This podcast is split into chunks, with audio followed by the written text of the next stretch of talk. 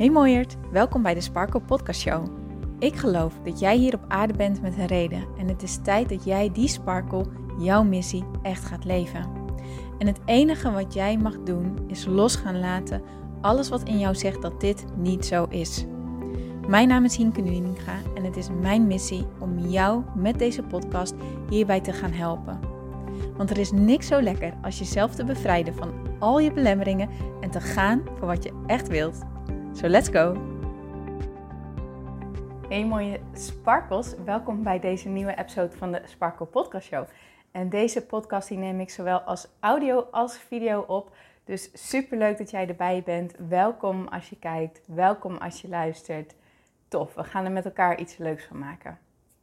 In deze episode ga ik het met jullie hebben over het thema gelukkig zijn met jezelf. En aan het einde van deze episode heb jij helder wat je precies nodig hebt om dit te doen. En want gelukkig zijn met jezelf is iets waar heel veel klanten um, voor bij mij komen. Eigenlijk willen ze in de basis gewoon echt maar één ding. En dat is rust hebben. Gelukkig zijn met zichzelf. Op zichzelf vertrouwen. Weten wie je bent. En van daaruit gewoon je leven leven.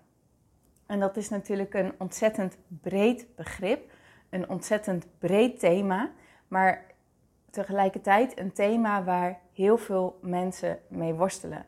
En dan met name het stukje, het verlangen van een stevige basis creëren in jezelf. Dus echt stabiel zijn van binnenuit.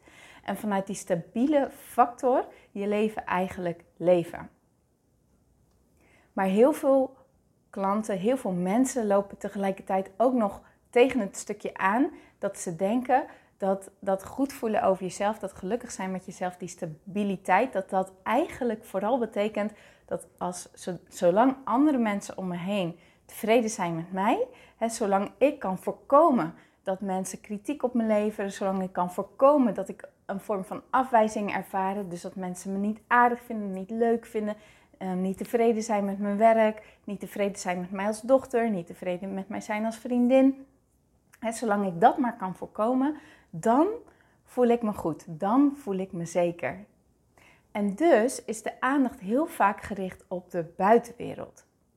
Wat willen andere mensen van me? Welke verwachtingen hebben ze van me? En je daar dan heel makkelijk naar aanpassen. Heel sterk aan kunnen voelen wat de behoeften zijn van een ander en daar ook naartoe bewegen, dat ook proberen te bewerkstelligen, maar ondertussen niet zo goed kunnen voelen wat jouw eigen behoeften zijn en waar jij zin in hebt. Heel snel ja zeggen op een ander, zoals als je baas vraagt van hey, wil je dat eventjes voor me doen? Of je moeder belt me, kan je me even helpen? En dan heb je al ja gezegd voordat je er überhaupt erg in hebt, voordat je überhaupt na gedacht, past dit wel? Wat is eigenlijk mijn schema? Ehm, waar heb ik eigenlijk uh, ruimte voor wat heb ik allemaal op de planning staan. Nee, daar denk je niet over na. Je hebt gewoon ja gezegd. En dan vervolgens kom je er eigenlijk heel snel achter van... oh, wacht eens even, ik heb toch best wel druk. En kan ik dit er eigenlijk wel bij hebben? Maar je wilt een ander niet teleurstellen, absoluut niet. Dus je zorgt ervoor dat je het doet. Hè? Eerst de ander en dan jij. Jij komt eigenlijk op de tweede plek. Maar als jij op deze manier leeft, zou je dat eigenlijk kunnen zien als dat jij een kurk bent op een oceaan. En de oceaan is de wereld om je heen, zijn de mensen om je heen. En waar die oceaan heen beweegt, dat is waar jij ook naartoe beweegt. Dat is de richting die jij opdobbert. Maar je bent dus compleet afhankelijk van de grillen van de oceaan. Dus je bent compleet afhankelijk van het humeur van andere mensen, van hoe hun pet staat, van wat hun verwachtingen zijn, van uh, wat zij eigenlijk allemaal willen. En daar beweeg jij op mee, maar daar heb jij geen zeggenschap over. En je kan je voorstellen misschien wel dat dat super onrustig maakt. Dat dat echt niet fijn is. Dat dat vermoeiend is. En dat dat dus super onzeker maakt. Want je hebt geen invloed op die oceaan. Je hebt geen controle daarover. Dat is afhankelijk. En op basis daarvan beweeg je mee ja, nogmaals, dat is dus super onrustig en, en super vermoeiend. En, en hoe ga je daar dan mee om? Hè? Hoe ga je dan met die onrustige, vermoeiende, onzekere gevoelens om? Nou, je zou een aantal dingen kunnen doen. En misschien herken je ook wel dat je een aantal van deze dingen doet. Je zou bijvoorbeeld erover, het erover kunnen hebben met een goede vriendin van je, je partner, een familielid, noem maar, op. dus met andere mensen erover delen.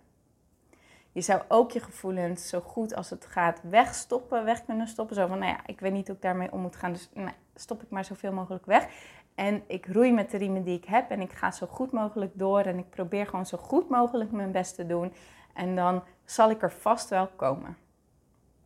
Je zou ook ervoor kunnen kiezen om je aandacht naar binnen te richten en naar jezelf te kijken, te kijken, je gevoelens aan te kijken, je gedachten aan te kijken en daarmee aan de slag te gaan. Of je zou ervoor kunnen kiezen om eigenlijk een soort van oogkleppen op te zetten, um, je af te sluiten voor de buitenwereld. En dat kan je doen door ofwel helemaal naar binnen te keren, als in een sociale situatie zoveel mogelijk te gaan vermijden. Of je zet een soort van oogkleppen op en je, je, je sluit je af voor de gevoelens, voor de emoties van anderen. Daar, ben je niet meer voor uh, toegankelijk. Dat, dat negeer je totaal en je, je wordt een soort van olifant die door een porseleinen kast heen dendert. Die gaat voor wat zij nodig heeft, voor wat zij denkt te willen. Um, compleet geen rekening houden meer met anderen. Omdat je daar zo vaak in gekwetst bent, bijvoorbeeld. En dat zijn eigenlijk soort van de vier opties uh, die mensen vaak kiezen om met hun emoties en hun gevoelens om te gaan. Misschien heb jij nog wel een andere optie die je gaat, maar luister eens eventjes verder in mee. Want wat doen die opties eigenlijk met je? Helpen ze? Kijk, ik ben heel erg voorstander van um, delen, open zijn. Dus delen met je vriendinnen wat er aan de hand is. Delen met je familie wat er in jou omgaat. Want je denkt vaak dat mensen dat allemaal maar weten en snappen en begrijpen van je, maar dat is helemaal niet waar. En juist door jezelf open te stellen en te delen en ja, ook wel een beetje kwetsbaar op te stellen, dat is een uitnodiging om echt die verbinding aan te gaan en om echt te kunnen connecten en elkaar te kunnen begrijpen. En dan ga je een heel laag dieper in je relatie. Dus ik ben zeker een voorstander van, ja, toch wel delen wat er in jou omgaat. Maar je zal ook al gemerkt hebben dat als je dit doet, dat er ook een plafond zit aan in hoeverre ze jou kunnen helpen. En dat plafond heeft gewoon te maken met hun eigen ervaring, eh, met hun eigen leven, met hun eigen inzichten, hoe zij in het leven staan. Dus er is altijd een soort van plafond en je, en je komt niet verder dan dat. En dus is er altijd dat onopgeloste stuk wat hier maar blijft hangen, in het luchtledige blijft hangen, wat niet aangeraakt wordt, wat, wat niet gezien wordt en ja, wat dan ook maar gewoon is wat het is of zo. Maar het is er altijd wel, het hangt er altijd wel. Snap je? Dus er zit een plafond aan. Het, het, het, rijdt niet. Het rijdt, het rijdt tot een bepaalde hoogte, maar daarna stopt het. Nou, je zou er ook voor kunnen kiezen om, um, om je gevoelens eigenlijk zoveel mogelijk weg te stoppen. Nou, dat zou je kunnen zien als een pan als een snelkookpan en daar stop jij die gevoelens in weg. En snelkookpannen zijn vaak heel groot, dus kan je best veel in wegstoppen. En dat, dat werkt voor je gevoel misschien best wel een tijdje. Maar ondertussen, zolang jij die deksel erop gedrukt houdt, ontstaat er veel meer druk van binnenuit. En op een gegeven moment moet daar een explosie in zijn. Moet dat tot uiting komen? Moet daar een ontlading in zijn? En dat zijn onverklaarbare huilbuien. Um, dat je ineens ruzie staat te maken met je partner zonder dat, zonder dat er ook maar van tevoren iets in de lucht leek te zitten. Um, raak je misschien wel overspannen, burn-out of, of op een andere manier fysiek uitgeschakeld. Het, het, het, het, zijn van die uitbarstingen die je van tevoren eigenlijk helemaal niet aan had zien komen, maar die er dan ineens wel zijn, die je niet zo goed kan verklaren. Dus ook dat is niet een gezonde manier om ermee om te gaan met die gevoelens. Nou ben ik persoonlijk ook geen voorstander van jezelf maar zoveel mogelijk afsluiten en je eigen weg gaan. Als in, ik ben wel een voorstander van je eigen weg gaan, maar niet um, door jezelf af te sluiten en uh, de gevoelens van anderen maar helemaal om je heen af te sluiten en zo. Want wij zijn van nature sociale wezens. Wij zijn echt van nature sociale wezens. We willen relaties aangaan. We willen die verbinding met andere mensen aangaan. En als jij jezelf helemaal terugtrekt of als jij een soort van muur om je heen bouwt, dan kan je die verbinding niet meer aangaan. Dan zit die muur zit ertussen. En ook dan heb je geen stabiele basis in jezelf. Want je mist dat natuurlijke stuk in jou. Wat erop uit wil, wat die verbinding aan wil gaan, wat die relaties aan wil gaan. Dus ook dan heb je geen stabiele basis in jezelf. Dus voor mij blijft er dan over naar binnen keren. Met je aandacht naar binnen keren en je gevoelens, je emoties aan gaan kijken. En dat is misschien spannend, want misschien ben je bang dat er dan een hele hoop shit omhoog gaat komen. Dat er allerlei herinneringen omhoog gaan komen die, die pijnlijk zijn, die je helemaal niet aan wilt kijken. En heb je het idee van, ik heb echt geen zin om daar doorheen te moeten gaan ploeteren. Ja, snap ik. Inmiddels doe ik nu een jaar of vijf, zes al innerlijk werk. En ik zal echt niet ontkennen dat er geen heftige dingen bij omhoog gaan komen. Maar je hoeft er niet doorheen te ploeteren. Je hoeft er niet in te blijven hangen. Dat is een misconceptie die heel veel mensen hebben. Zo van dat je helemaal tot de, tot de bodem moet graven om het te begrijpen, om het vervolgens los te kunnen laten. Dat is naar mijn idee niet de weg naar loslaten. Loslaten kan op een veel gezondere en makkelijkere en effectievere manier. Het enige wat je daarvoor hoeft te doen is eigenlijk het aan te kijken en het te begrijpen.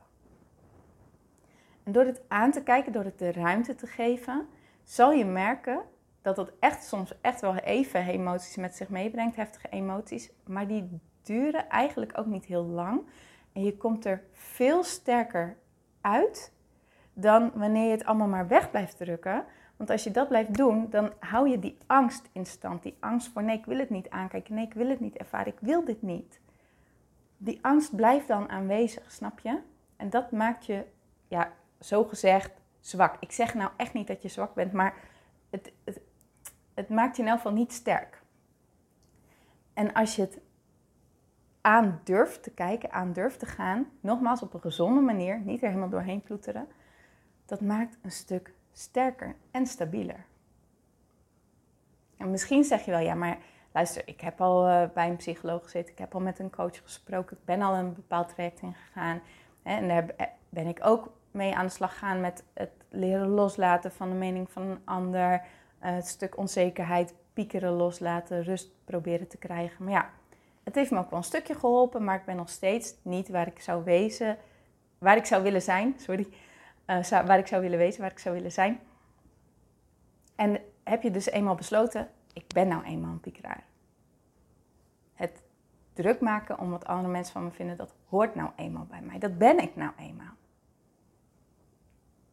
Als dat waar zou zijn, dan zou jij als piekeraar geboren zijn. Dan zou jij als baby al niet geslapen hebben, omdat je van allerlei dingen druk zat te maken.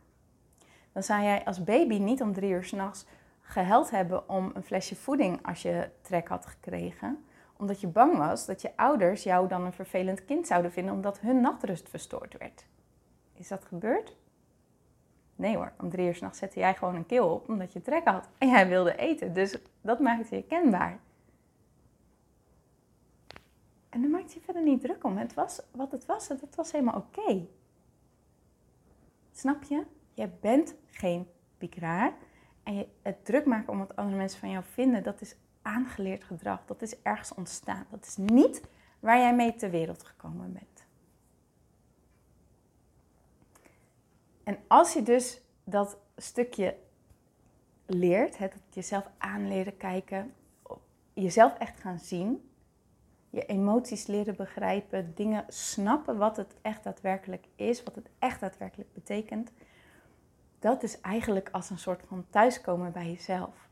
Vandaar ontstaat die innerlijke rust, omdat je zelf gaat begrijpen, omdat je zelf snapt. En daar ontstaat zoveel ruimte mee en, en ja, wat ik zeg, rust. En dat geeft het vertrouwen om dingen te gaan doen die je wilt doen, die je eigenlijk ook heel erg spannend vindt.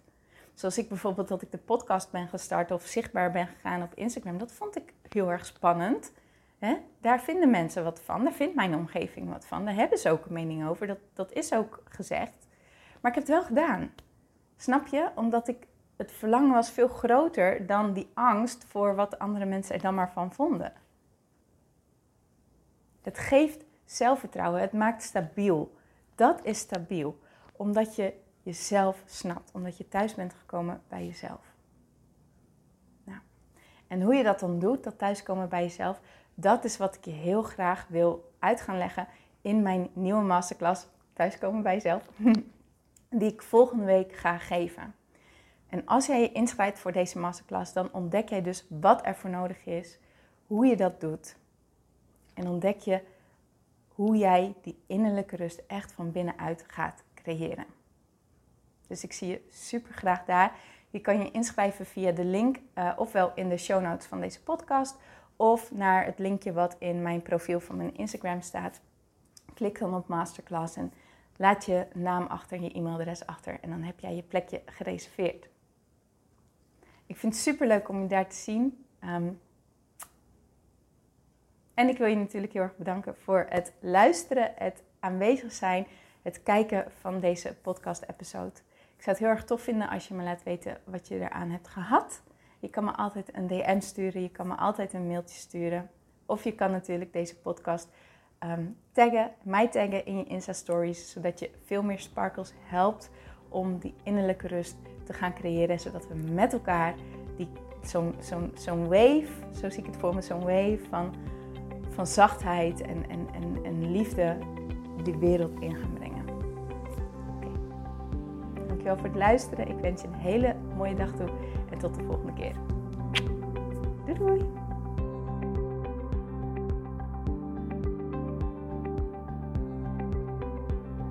Mooier, dankjewel weer voor het luisteren. Leuk dat jij erbij was. Nou, ik hoop natuurlijk dat deze aflevering echt iets voor jou heeft betekend. Dat het jou heeft geholpen, um, iets heeft opengekraakt, dat het iets in jou in beweging heeft gezet. Dat je echt hebt kunnen voelen, yes, ik ga ervoor. Of yes, het is ook zo, ik mag het loslaten en ik ben genoeg zoals ik ben.